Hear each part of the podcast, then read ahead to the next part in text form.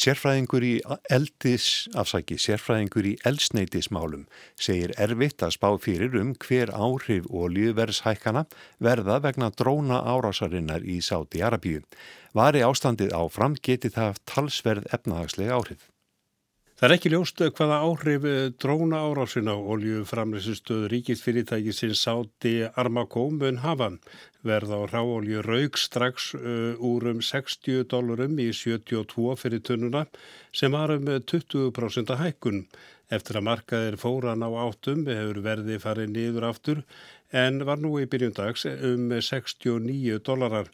Hækkunin um helgina var svo mest á einum degi frá árunnu 1988 og það kemur ekki óvart að ímsir séu uggandi. Helmingur framleiðslu sáti Arabam leikur neyri um 5,7 miljónu tunn á dag eða um 6% af heims framleiðslunni. Magnús Áskjörsson, yngöpastjóri Elsneitis hjá N1, segir að N hafi ekki komið fram eh, hvað var eðalagt í árásinni. Það skipti máli með tilliti til eftirspurnar hvort það tengst ráolju, gasolju, bensin eða gasi.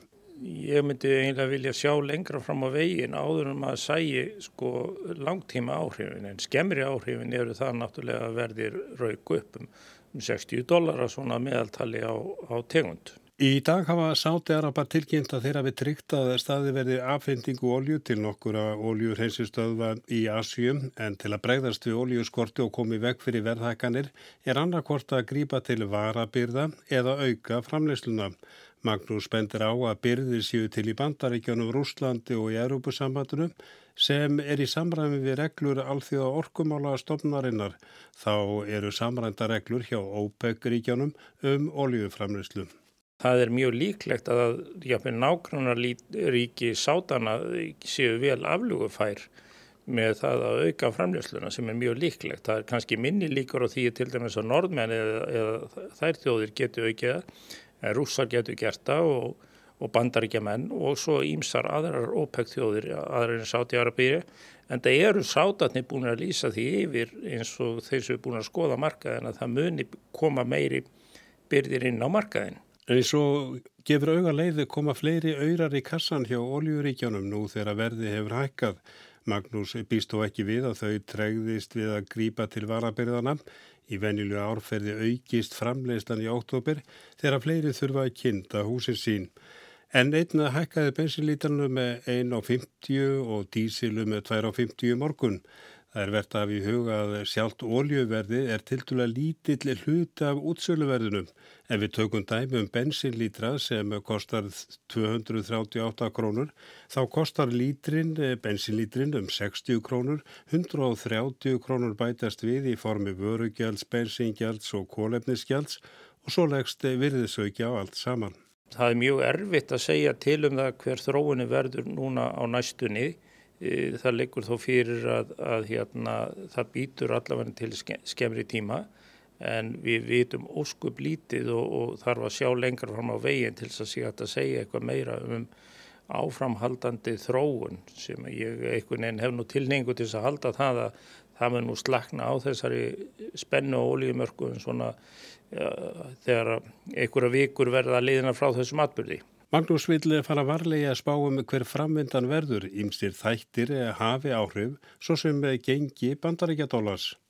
En það liggur alveg augum uppi að, að svona hækkun hefur auðvitað áhrif inn á alla markaði, hversum það er í varnandi elsneiti til aukutækja eða flutninga á sjó eða í, í lotti. Elsneitis verði nefnur um 3,5% af vísitölu neysluverðs og getur því hleyfti verðbólguna stað. Það getur haft áhrif á ferðarþjónustuna og svo mætti lengi telja. Við höfum gengið í gegnum nokkrar oljukreppur. Já, já, þetta hefur náttúrulega efnahagsleg, töluverð efnahagsleg áhrif ef þetta heldur áfram til lengri tíma. E, síðasta oljukreppa eða krippa sem ég mann og svona eftir var svona á áránum 1996 til 2000 e, svo hérna þetta og það hefur nú verið svo, hérna nokkuð svona ekki eins sveiplukent síðan. Það er nú orðið daldi langt úr liði. Efnahagslega áhrif grýpa náttúrulega alla sem að því að ólíjan er það stór þáttur í í uh, hverstagslífunu og, og, og lífi mannkins og kannski miklu meiri víða ellendis heldur en hjellendis. Það er ekki enn ljóstu hver framvendan verður þó að stýristu fréttir í dag bendi til þess að ráur oljuverðið sé að lækka hafi lækkað um 6% sem afir degin. Þó að hútar í Jemen segist að var staði fyrir árásunni beina spjótin að írunum. Þessi atbyrðu núna, hann, hann, sagt, hann er staðreind en svo hefur mér til dæmis fundist sjálfum að, að glannalega yfirlýsingar og talsmáti ímins að þjóðarleiktoga á þessu svæði sem á annar staðar e, e, hafi gjarnan e, haft möguleika á því að, að hafa mikil áhrif og olíuverð. Það hefur nú sem betur fyrir ekki gengið eftir. Þetta er mjög ófríðar svæði og, og verðist ekki þurfa mikið til og til dæmis þegar þeir voru þarna taka olíuskipu um daginn í Gíbraltar þá hérna áttum að vona því að það geti haft einhver alvarleg áhrif á markaðin sem ekki varð. Þannig ég myndi nú maður horfið aldrei til þessa svæðis alltaf þegar yfirlýsingar koma og, og, og vonar náttúrulega þar sem annar staðar ríkið svona þokkalegu friðu þannig að ekki, það far ekki allt í bál og brand. Þetta var Magnús Áskeirsson, Arnar Páll Haugsson talaði við hann.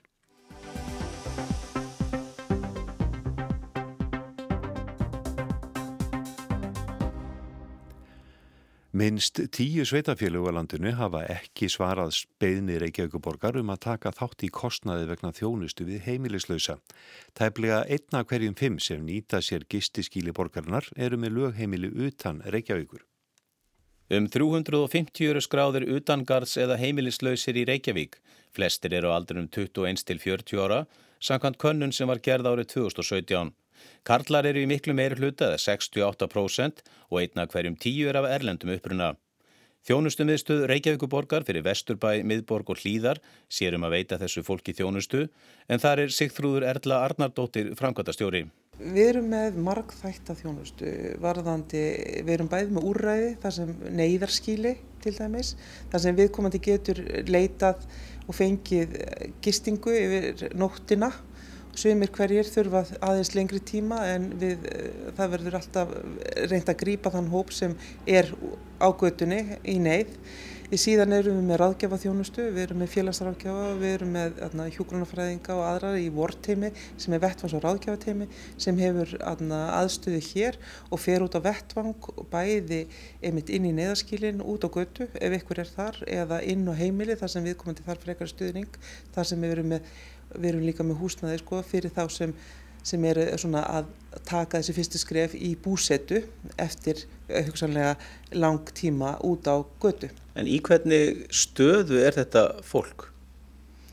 Staðan er náttúrulega hjá hópnum er mjög mismunandi eftir því eh, ymsum bakgrunnsbreytum varandi hvaðan við komum til að koma og hvað hefur dunið á af því að oft á tíðum eru þetta einstaklingar sem hafa lendt í áföllum eða eru með geðræna erfileika eða hugsanlega þróska eh, frávögg sem eru gera það verkum að þeir eiga erfitt með að halda utanum um þetta að reyka sig í þessu almenna samfélagi okkar og svo hefur verið að blandast inn hjá þó nokkrum prósundum í hópnum en ekki öllum E, fíkn eða fíkni erfileikar þar sem viðkomandi ræður ekki við neysluna sína. Og það gerir það verkum að viðkomandi hefur hugsanlega mist þá þannan grunn að eiga í einhver hús að vernda þá hjá vinum eða ættingum eða annað og hefur þarlegandi endað á þessum stað næri ekki að halda utanum húsnæði og er komin í ágötuna. Reykjavíkuborg reykur meðal annars gistiskíli við Lindargötu og einnig greiðir borgin kostnaði rekstur konukots sem er reykið í samstarfi Rauðakrossin. Í fyrra fenguðu rúmlega 300 að gista í þessum neyðarskílum en þara voru 58 manns með lögheimili utan Reykjavíkur. Hvaðan sem viðkomandi kemur af landinu að þá sjáum við að fólk er að leita til Reykjavíkur sem er komin í þennan vanda og hvort það er, eða af hverju það er, þá held ég að sé bæði það að það vantar úrræði í mörg sveitafélagi til þess að takast á við þetta bæði félagslegar íbúður og það vantar neyðarskíli og annað sem þarf til, til þess að taka á móti þeim hópi sem hefur mist húsnæði sitt. Reykjavíkuborg ætlar að setja um 1200 miljónir í þennan málaflokk á þessu ári og hefur óskað eftir því að viðkomandi sveitarfélög greiði gistináttagjald fyrir þá sem eru með lögheimili þar. Tíu sveitarfjölug hafa hins vegar ekki svarað beini borgarinnar. En frá seinustu áramótum þá sendum við bref til allra sveitafélagi á landinu og buðum þeim að taka, gera samning við Reykjavíkuborg um gistináttagjald. Þannig að þegar einstaklingur er að koma úr öðru sveitafélagi og sækir þjónustu hingað að þá sé að geti viðkomandi sveitafélag greitt fyrir þann kostnað. Mörg sveitafélag hafa tekið og gert samning við okkur en það eru þó nokkuð mörg sem því miður hafa ekki gert það. Vitu við okkur? Nei, það veit ég ekki. Ég held kannski að það sé um, bara ákveð hugsunarleysi hvað er já, um þann vanda sem einstaklingarnir eru í sem eru kominir hingað á göduna. Eh, við höfum allavega haft það vinnulag að þegar það kemur einstaklingur inn í neyðaskili hér í Reykjavík að þá er haft samband við það sveitafélag sem viðkomandi er með lögheimili í. Það er látið vita því að viðkomandi hafi komið inn í neyðaskilið og það sem við gerðum til dæmis fyrir 2018 og þá sendum við bara upplýsingar til þess sveitafélag svarandi hverjir höfðu verið eða hversu marga nætur viðkomandi eða einstaklingar sem höfðu verið með lögheimili í því sveitafélagi hafa verið í gistingu hér í Reykjavík sagði Sigþrúður Erla Arnardóttir. Höskuldi Káris Gram tók saman.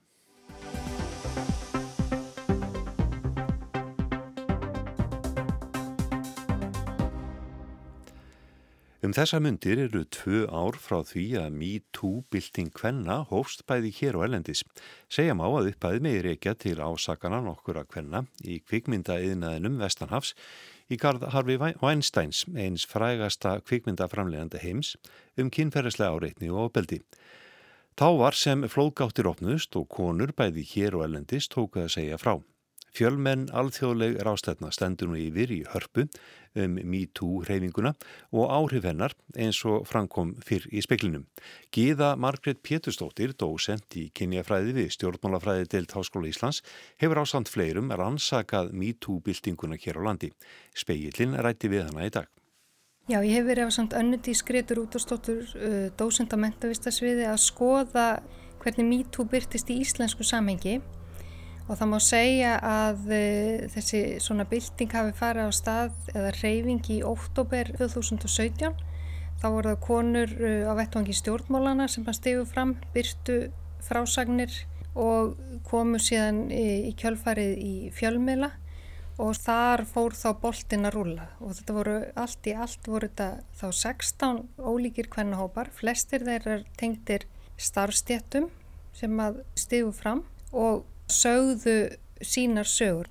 Sögur kvennana voru nafnlausar og það var aðeins í undatekningatilvíkum þar sem að nöfn gerenda síðan komið fram og það var aðalega eftir þá einhvers konar eftirgrænslan fjölmila. Þannig að það byrtist svona í rauninni fjölda samstæða kvenna og þetta var auðvitað mögulegt að því að það var búið að skapa jarðveg til þess og við getum sagt, við getum rakið það allt aftur til stofnunar stígamóta og fleiri sambarilegra samtaka Þannig að konur höfðum langan tíma verið að segja sögu sína. En það sem að gerist þarna í mítúrhefingunni var að það voru bæði valdamiklar og svona áhrif á konur sem að stigu fram og sögðu frá því að þær hefðu verið áreittar kynferðslega og það var svolítið nýtt. Og það teljum við annartís að hafa gert að verkum að það voru fleiri hópar þá sem komu fram og fleiri konur sem að þorðu að stiga fram og þorðu í raunin að gangast við því að hafa orðið fyrir kynferðslegri áreitni og öðru kynbundna ofbeldi. Og um leið að greina frá afleðingunum og þær hafa kannski aldrei svona einhvern veginn leift sér að setja þetta í þetta samingi. En MeToo-hreyfingin, þessi fjölda samstæða, gerði það mögulegt. Hvernig brást samfélagi að bæði konur og karlar við þessu? Já, mér fannst áhugavert svona strax til að byrja með að þá voru eins og viðbröð karlað ákveðin vantrúin um leið svona sjokk og og margir sem virtust í rauninu svona miður sín. Og í kjölfarið þá var rætt við Karla sem voru svona í forsvari kannski fyrir hérna ímsu hópa Karla og það var svona virtist vera vilji til þess að svara þessu kalli sem að í rauninni byrtist í þessum MeToo frásögnum að því að það er auðvitað ekki nóg að konur bara segi sögur þá þarf síðan að koma í veg fyrir að nýjar sögur verði til. En það er kannski það sem að mér finnst svolítið hafa orfið síðan úr umræðinu. Ég, ég verð ekki eins mikið vör við það að karlar sé að grípa bóltan eins og byrtist þarna í byrjun. Getur verið að uh, já, það hefði bara gerst þegar þú hljóðlust að viðhorfum hefði breyst? Já, sko ég myndi auðvitað vilja trúa því en ef við horfum á samfélag okkar í dag þá er mjög fátt sem bendir til þess En það sem auðvitað þarf að gera, það þarf að eiga sér stað viðhorsbreyting og í rauninu svona menningarbreyting. Það er oft talið í þessum samhengjum nöðgunamenningu og það málu fella kynferðsla áreitni undir það. Nú það sem að konur gerðu er að þær sögðu ég líka þar sem skengustu því að hafa verið áreittar, verið beittar ábeldi og það sem að þarf þá að gera svolítið líka er að þeir sem eru að beita ábeldi þurfa að gangast við því að hafa beitt ábeldi. Nú oft er þetta svo einhvern veginn rótkonar og hluta menningu okkar að við gerum okkur einfall ekki grein fyrir því að við séum að ganga á aðra mannesku með þessum hætti, fara við mörg annara mannesku. Þannig að þetta auðvitað krefst svona ákveðinar sjálfskoðunar en síðan auðvitað að bindast fjöldasamstöðu. Þannig að núna er ég svolítið að tala um að það er svo mikilvægt ef við ætlum að breyta menningu að þá þurfa þeir sem hafa verið áreita að gangast við þessum þáttum í sjálfu sér og vera tilbúinir að stíga fram og þá þurfum við sem samfélag að skapa í rauninni jarðveg til þess að það sé mögulegt. Hvernig er þá staða núna eftir tvö ár? Hefur í raun og veru lítið breyst? Já, það virðist nú vera eitt upplöfun margra að það hafi lítið breyst og það eru þetta vonbreyði vegna þess að í þessari MeToo reyfingu sem að sumi vilja tala um sem byltingu og þá þetta vöknuðu vonir um að nú myndi eitthvað breytast. Nú vera að halda ráðstöfnu hér í hörpu og þá á um þetta ræða hver eigi að vera svona næstu skref og ég þá aftur vona að það verði hvati að því að við eitt sem samfélag þá förum að leita leiða til þess að uppræta þessa menningu. Og þá er ekki, sko leiðin er svo svolítið farin í bandaríkjunum og það var semst að nafngreina einstaka karla. Og svona til lengri tíma þá er svo nálgun eftir vil ekki mjög heppileg, það getur verið nöðsynlegt að gera það líka en síðan er svo mikilvægt að við sem samfélag leitum leiða til þess að breyta þessari menningu og þá að kallar gangist við í rauninu þessum þáttum í farið sínu, þeir sem þurfa þess. Ertu vongóðum að þetta gerist á næstu árum? Ég sem kynjafræðingur er, sko ég get ekki verið í þessu jobbinu ef ég væri vongóð og bjart sín. En hins vegar hefur sagan kent okkur að breytingar af þessu tægi að þær gerast ekki á einni nótu og það sem er svona líklegra að gerist er eitthvað skonar bakslag. Og klausturmáli er oft nefnt í því samhengi sem þá svona dæmi um bakslag Þannig oft er talað um að þegar þeir sem eru við völd að þeim finnst sér ógna að þá bara er gefið í í stað þess að leita leða til þess að breyta samfélaginu í að breyta sátt. Þannig að ég sagt ég er bjart sínum vongóð en, en hóflega þó. Þetta var Gíða Margrét Pétustóttir, dósent í kynjafræði við stjórnmálafræði til Háskóla Íslands.